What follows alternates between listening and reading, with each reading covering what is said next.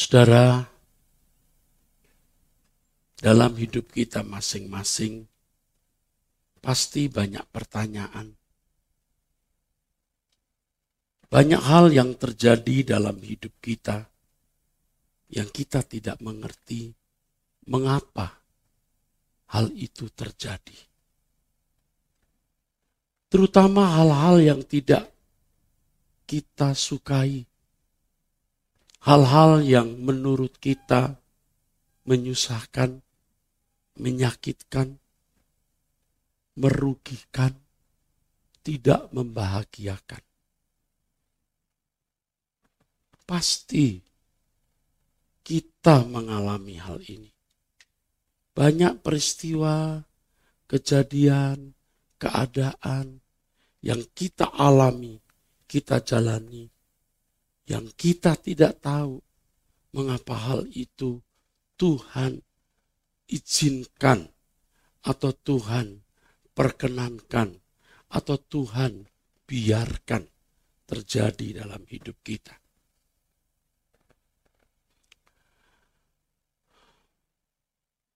Bodohnya kita.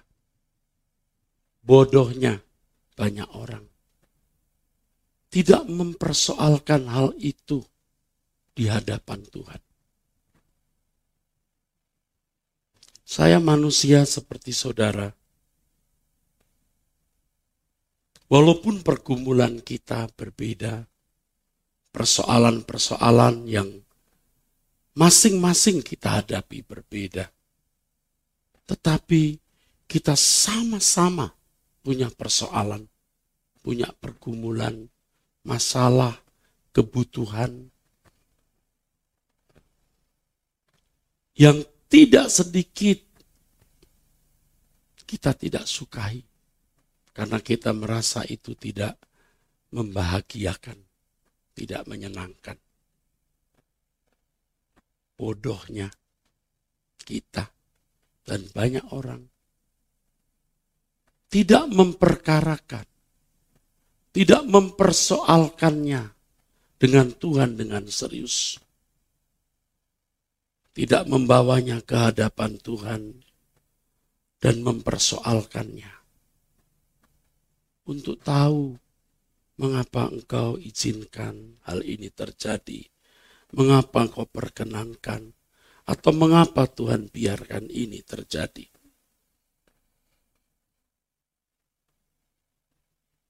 Padahal, saudaraku, kalau kita sungguh-sungguh mempersoalkan, memperkarakan, membawanya kepada Tuhan, tidak mungkin Tuhan tidak menjawab. Tidak mungkin Tuhan tidak memberitahu tidak mungkin, saudaraku. Karena seperti yang dikatakan di dalam firman Tuhan, Bapak yang jahat di dunia ini tahu memberi apa yang baik untuk anaknya, sekalipun itu bapak jahat. Apalagi Bapak di sorga. Pasti memberi apa yang baik.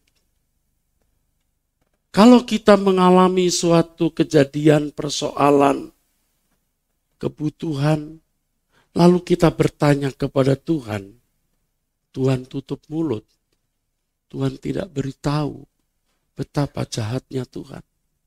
Sebab dia tahu dia yang mengizinkan, memperkenankan, dan membiarkan. Hal itu terjadi. Karenanya tidak mungkin Tuhan tidak menjawabnya. Bodohnya kita tidak memperkarakan.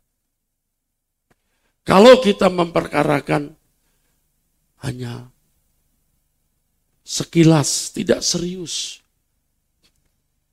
tidak sungguh-sungguh mau tahu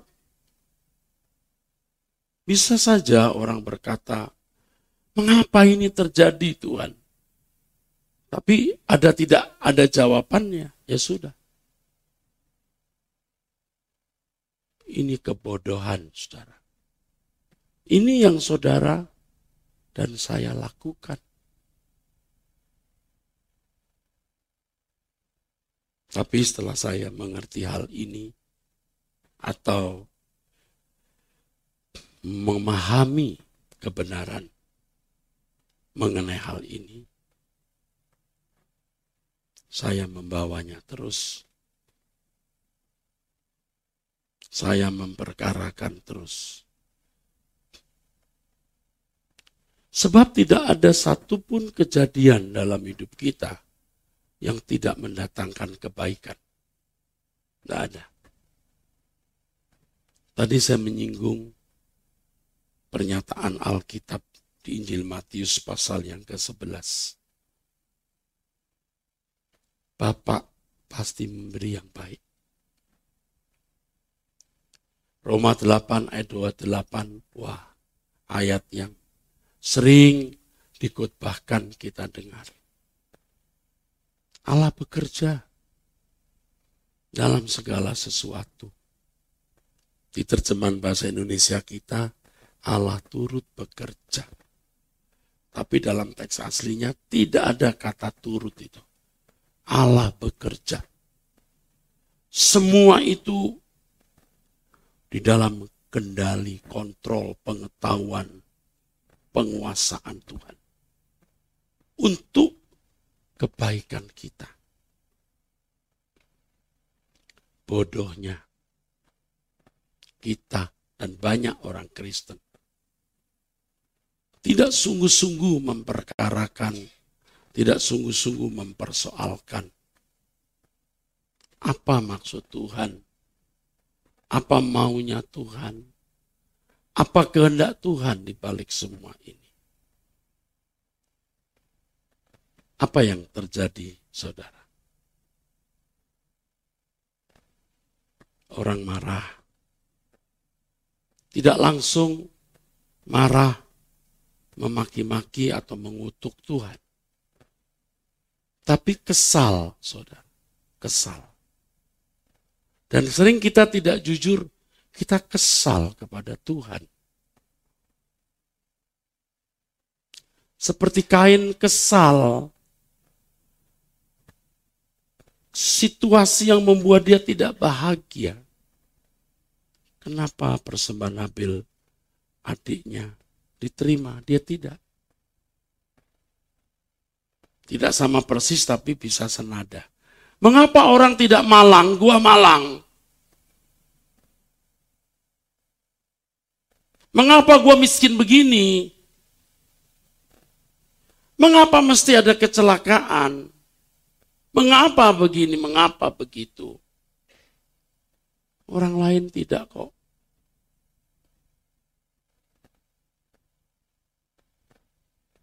Bodohnya kita tidak memperkarakannya. Memendam, tidak mengucapkan, tapi kesal. Kalau kita membaca Alkitab, firman Tuhan mengatakan, ucapkan syukur dalam segala hal. Artinya tahu maksud apa iki gitu loh. Maksudnya Tuhan apa ini? Karena tahu, terima kasih Tuhan. Karena nggak tahu, marah, kesal. Akhirnya kita tidak menemukan jalan Tuhan, saudara. Padahal di balik itu Tuhan mau buat apa? Kita tidak lakukan. Kita tidak berubah. Saudara tahu tidak bahwa ini termasuk berjalan dalam gelap. Jadi jangan saudara berpikir bahwa orang yang berjalan dalam gelap itu hanya mereka yang ada di luar gereja. Yang tidak ke gereja. Yang hidupnya bergelimpang dengan pelanggaran moral. Kita yang baik-baik begini ini juga tanpa kita sadari kita jalan di jalan yang mungkin tidak gelap sekali tapi remang-remang. Tahu enggak saudara, akibatnya apa? Waktu berjalan sia-sia. Mestinya kita menjadi seorang yang berkenan, menyenangkan hati Tuhan, terbentuk jadi pribadi yang agung, yang luhur, seperti yang Allah inginkan, nggak jadi.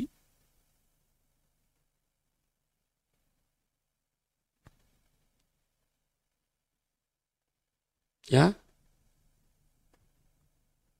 yang ada marah, kesal, menyalahkan orang.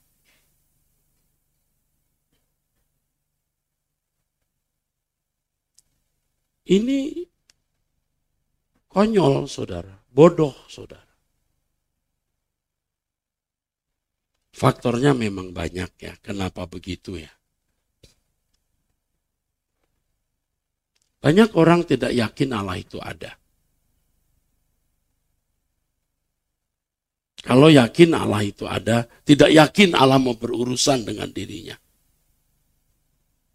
Kalau yakin Allah mau berurusan, Allah kurang serius.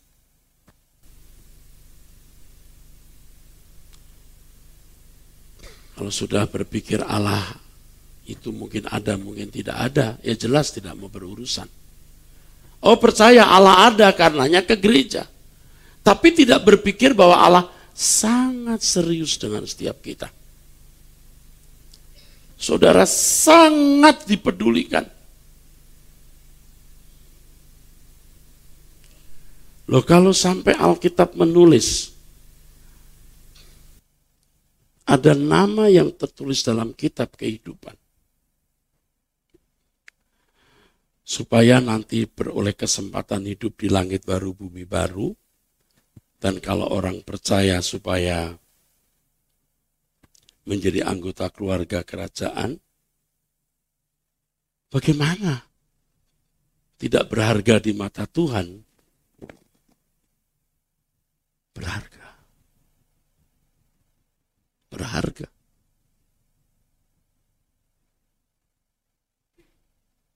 Kalau sampai nama kita tertulis dalam kitab kehidupan, Wah itu berharga.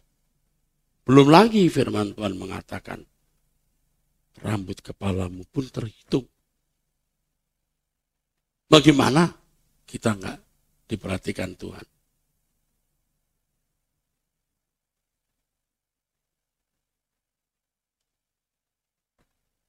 Kalimat yang jujur itu begini. Tuhan tidak memperhatikan hak-hakku. Kenapa sih begitu? Ada lagi masalahnya. Karena engkau juga tidak memperhatikan kewajibanmu. Nah, ini mesti penjelasan lain. Tapi saya masukkan dulu.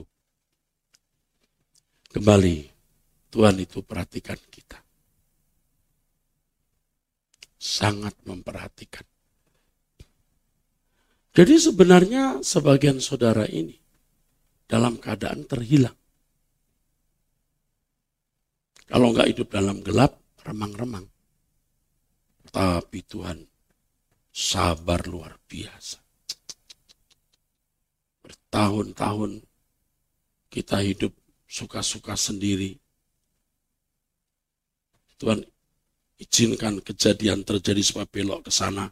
Saudara tidak lihat maksud Tuhan. Karena gelap atau remang-remang, Anda belok kiri. Di belok kiri Tuhan kasih lagi kejadian supaya belok kanan. Anda nggak tanya Tuhan, belok kiri lagi. Maka hidupmu dipermalukan. Dipermalukan oleh keadaan. Dan banyak orang Kristen yang lumpuh. Tidak jadi saksi sama sekali.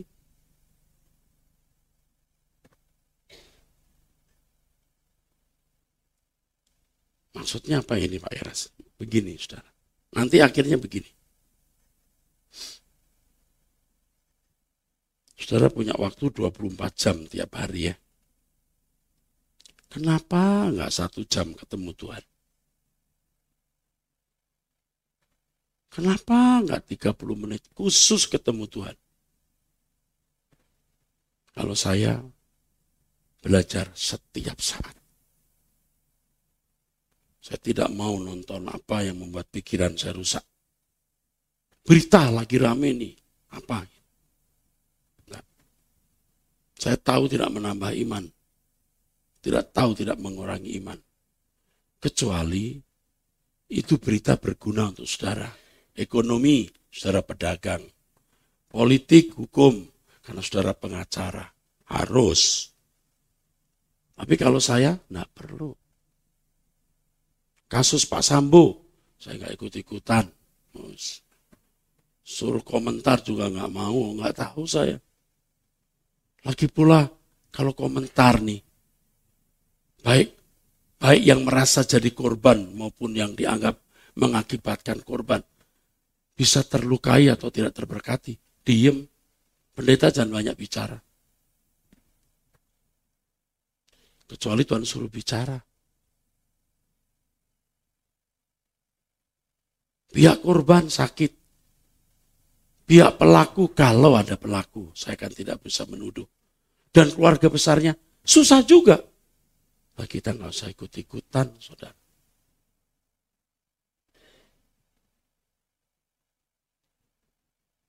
Ada pembunuhan yang dilakukan oleh pendeta. Nah, itu boleh saya lihat dulu.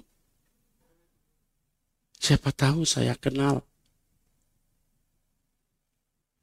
Dan memang ternyata si pelaku ketika ditanya polisi tidak mau bicara, diam.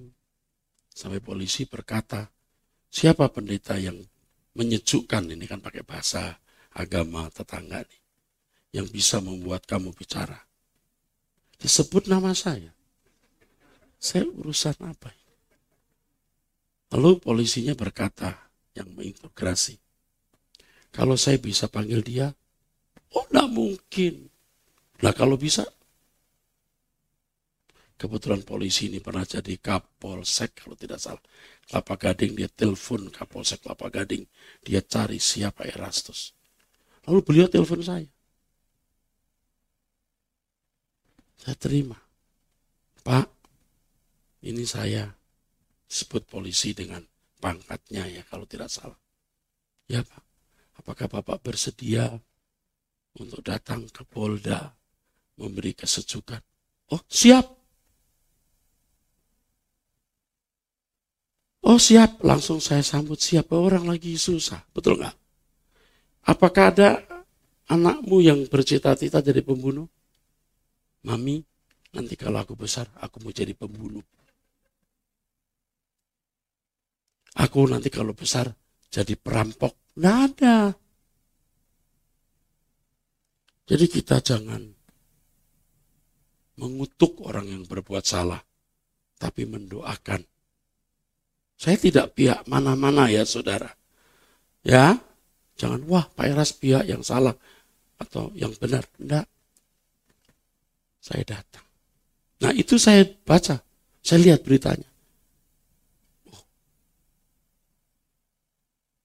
yang tidak biasa dengar berita, dengar berita, eh saya terbawa-bawa. Bagus untuk jadi berkat.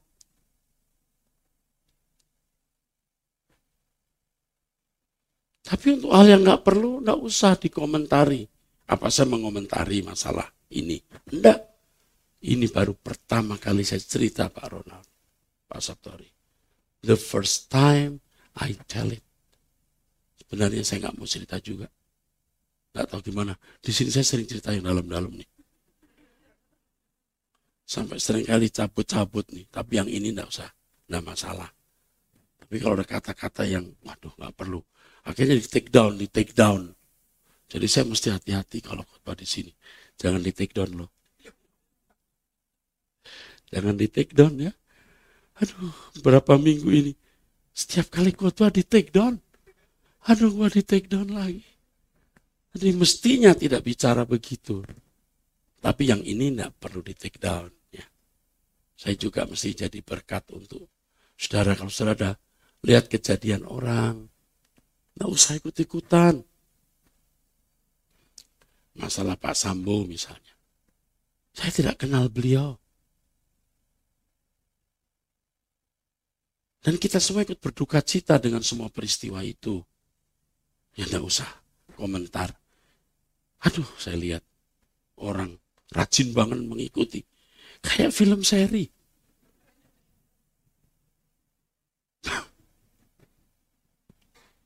Di rumah di setel terus, waduh. Saya ambil headphone yang cancellation itu, yang bisa budek itu. Sek, budek udah.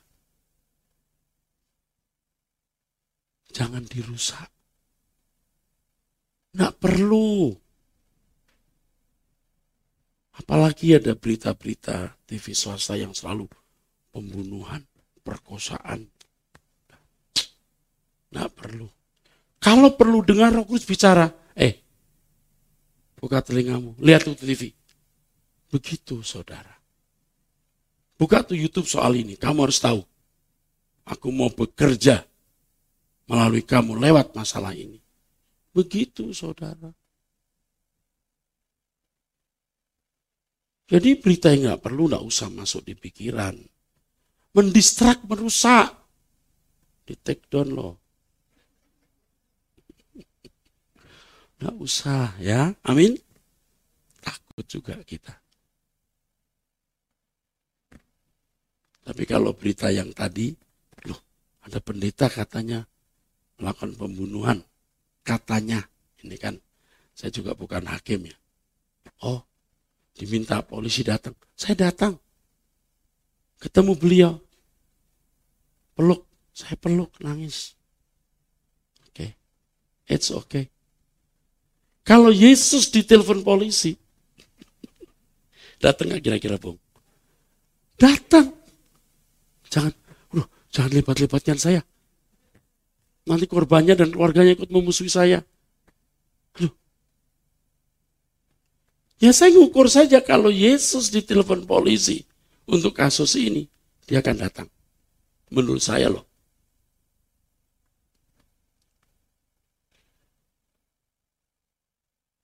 Tapi kalau Yesus misalnya ditelepon satu klub diskotik, tolong bisa datang untuk meresmikan, pasti nggak datang.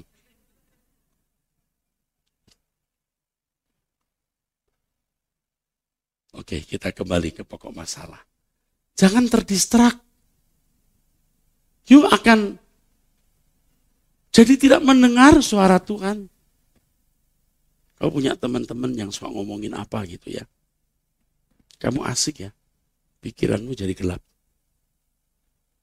Ya kalau di tengah-tengah mereka kita dengar, oh iya, oh gitu ya. Udah. Nggak usah, wah ikut rame. Gelap.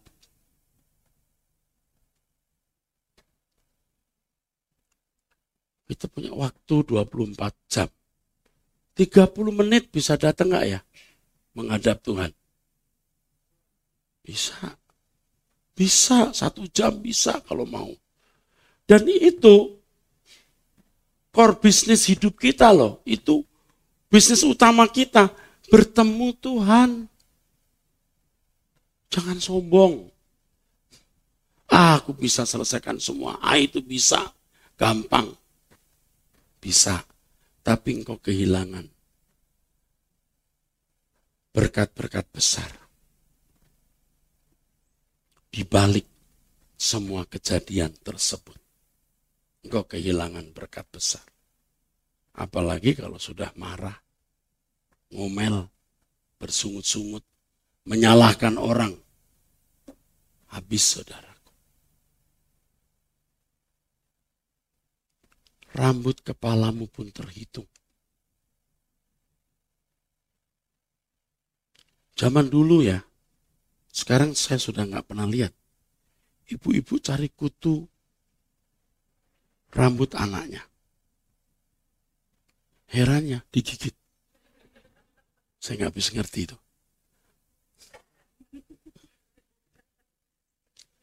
Banyak ibu-ibu maku. Bukan maku gini makan kutu. Bukan maku paku. Makan kutu. Tapi ibu-ibu ya, sayang anak. Dia tidak ingin satu kutu pun ada di rambut anaknya. Jadi gini. Betul ya? Terus terus dimakan ya? Dimakan.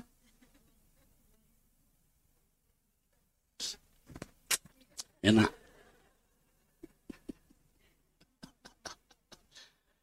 Saya tidak tahu di Pites ya. Eh, saya mau tanya ibu-ibu masih cari kutu anak nggak? Sekarang ada lagi.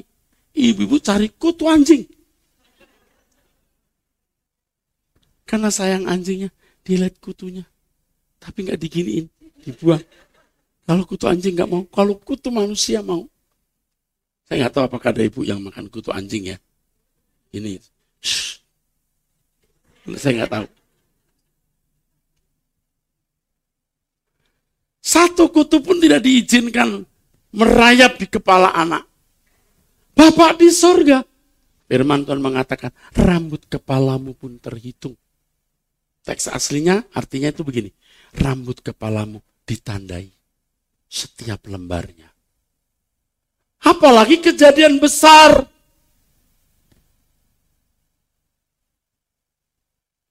Sudah tahu waktu anak saya perempuan depresi. Itu pukulan satu-satunya anak. Saya pendeta, depresi. Pukulan.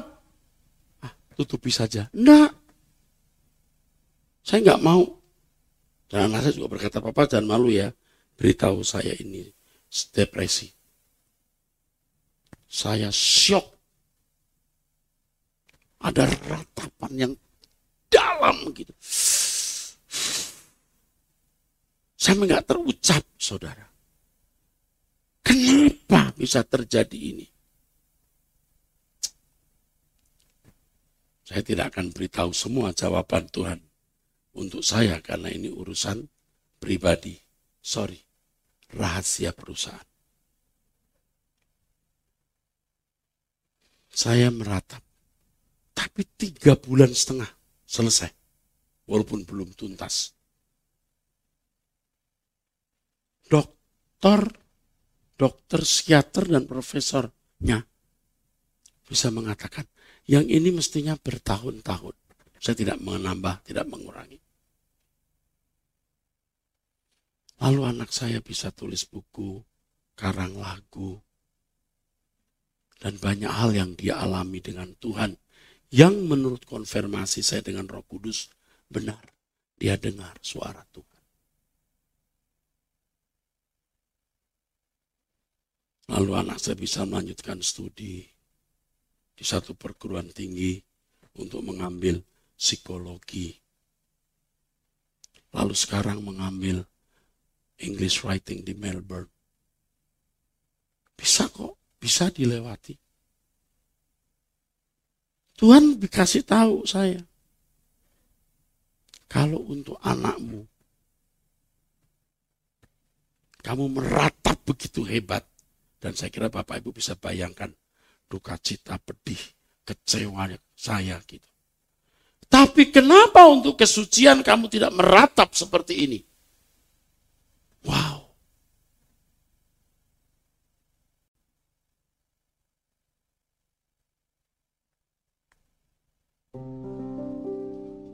Bapakku, tolong aku hidup kudus tak bercela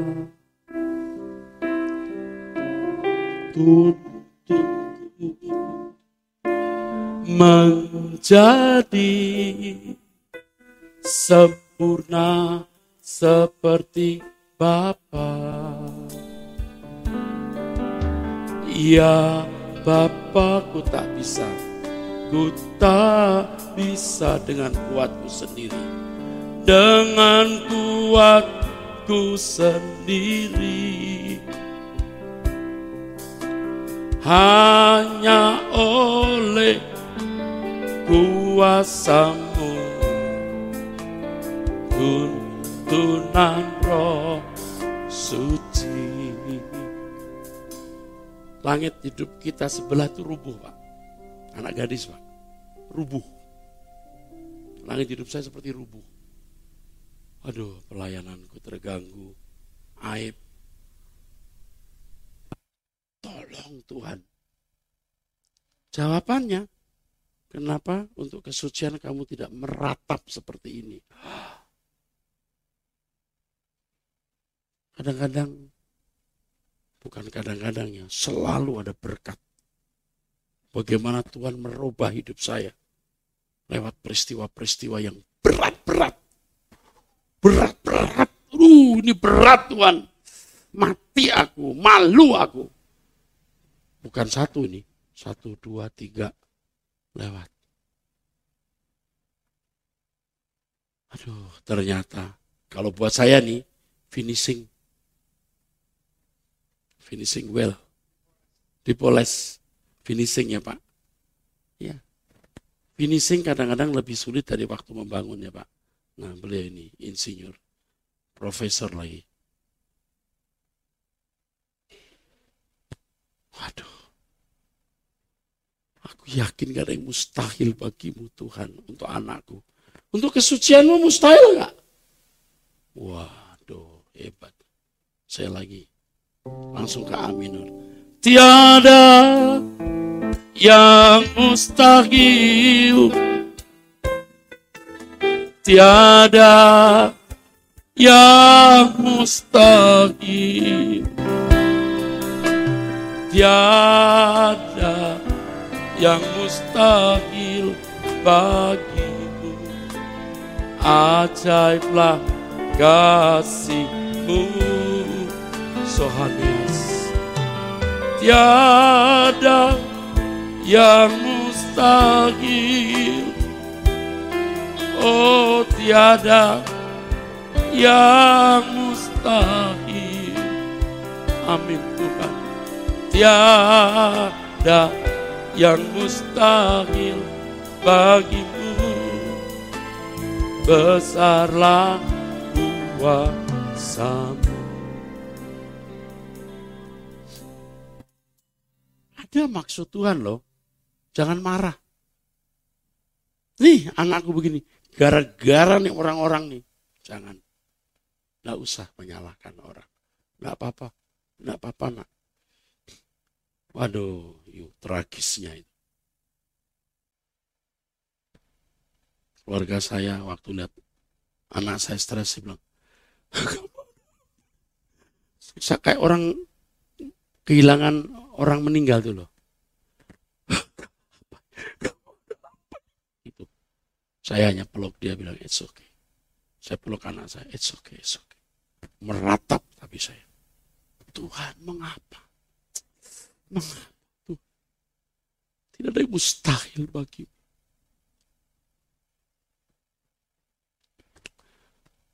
Jadi jangan lagi mengeluh. Kenapa saya tidak punya anak atau mandul? Kenapa saya tidak menikah, tidak punya jodoh? Kenapa keadaanku begini? Semua itu baik. Maka, maka berpikirlah dengan pikiran kekekalan. Jangan lihat dari sudut hidup hari ini. Sudut kekekalan. Saya sering berpikir dan berdoa bahkan, Anda pasti pernah dengar. Saya berkata, Tuhan, yang penting aku dan keluargaku nanti bersama di surga. That's it.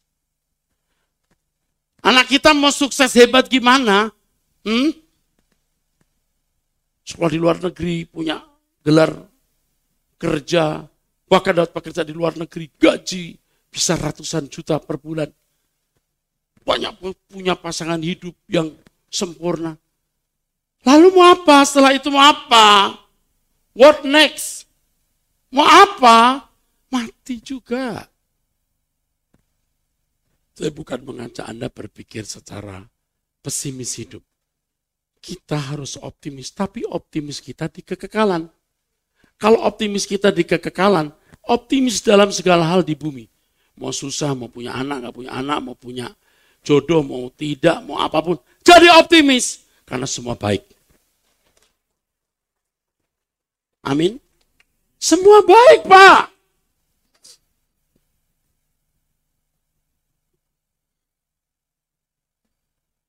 Saudara yang kekasih. Tidak ada pertanyaan yang tidak bisa dijawab oleh Tuhan dan tidak Allah jawab jika itu mendatangkan kebaikan. Saya setuju. ada hal yang mungkin tidak akan terjawab sampai kita pulang ke surga. Tapi itu pasti hal yang tidak perlu kita tahu. Jadi kalau kita bertanya sesuatu Tuhan nggak jawab, berarti memang kita tidak perlu tahu. Jangan sampai Tuhan bilang, so tahu loh. Yang kita perlu tahu, Tuhan pasti beritahu. Yang kita tidak perlu tahu, Tuhan tidak akan beritahu.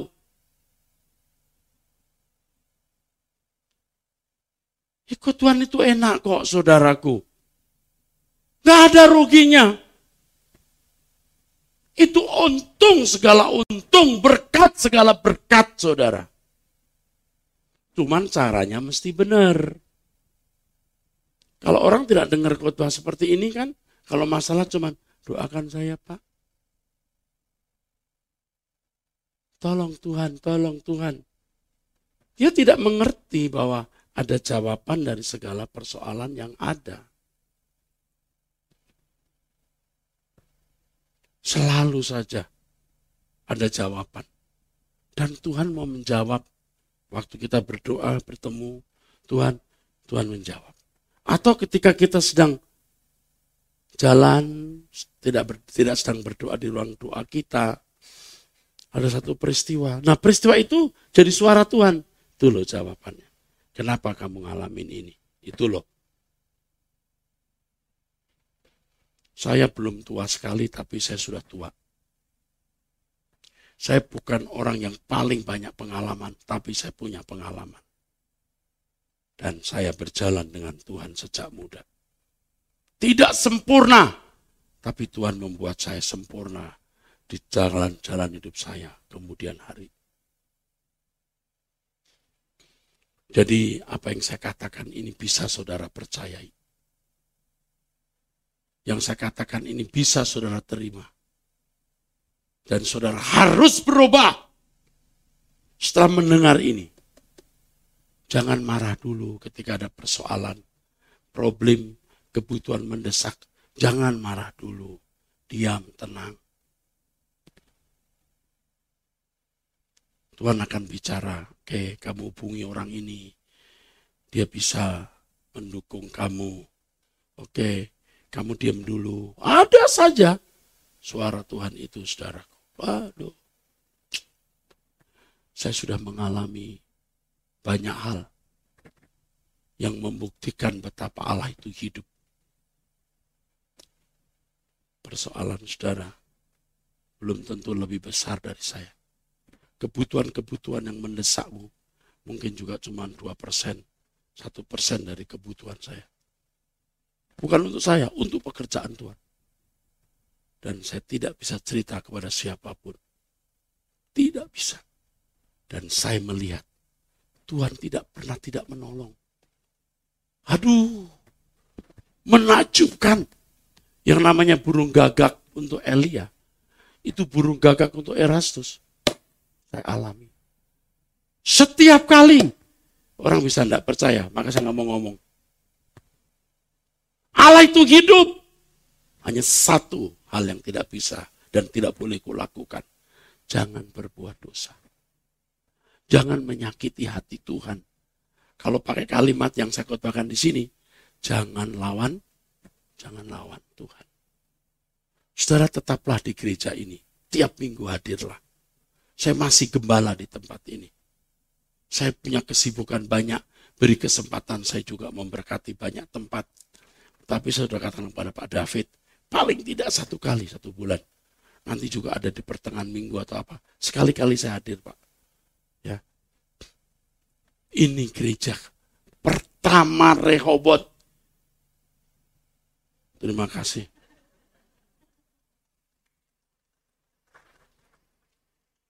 Saya sudah sampaikan kepada Pak Yo, Pak uh, Cornelis Kiong, gembala dari GSKI Rehobot Kelapa Gading. Saya bilang, yang berat perdata, bukan lu. Bukan pakai kata lu ya enggak. Bukan Pak bukan bukan bukan Pak Kyong, bukan Kelapa Gading perdata. Tetaplah di Rehobot ini. Kalau KSKI Kebun Jeruk tidak mau hapus Rehobotnya. Senang saya di sini. Amin.